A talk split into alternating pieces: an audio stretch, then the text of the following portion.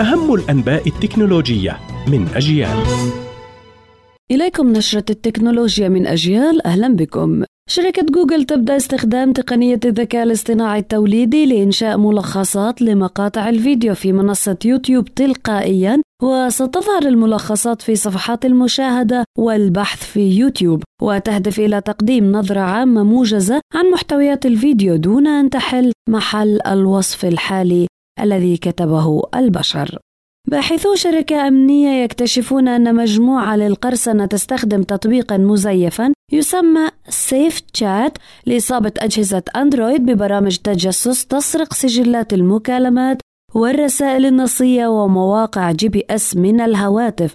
ويشتبه في أن برامج التجسس المستخدمة هي إحدى أنواع برامج Coverlm الذي يسرق بيانات تطبيقي. الاتصالات مثل تليجرام، سيجنال، واتساب، فايبر وفيسبوك ماسنجر.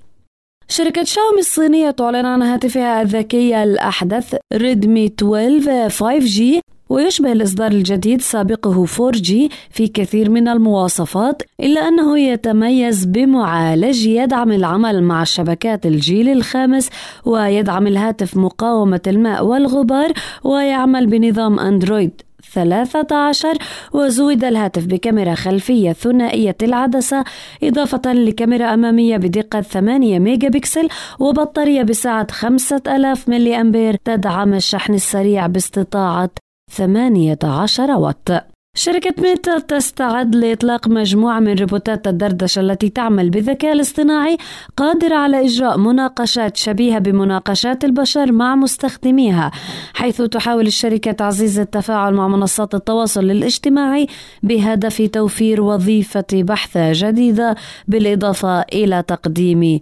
التوصيات. هذا ما كان لدينا في نشرة التكنولوجيا من أجيال. قرأتها عليكم ميسم البرغوثي. إلى اللقاء.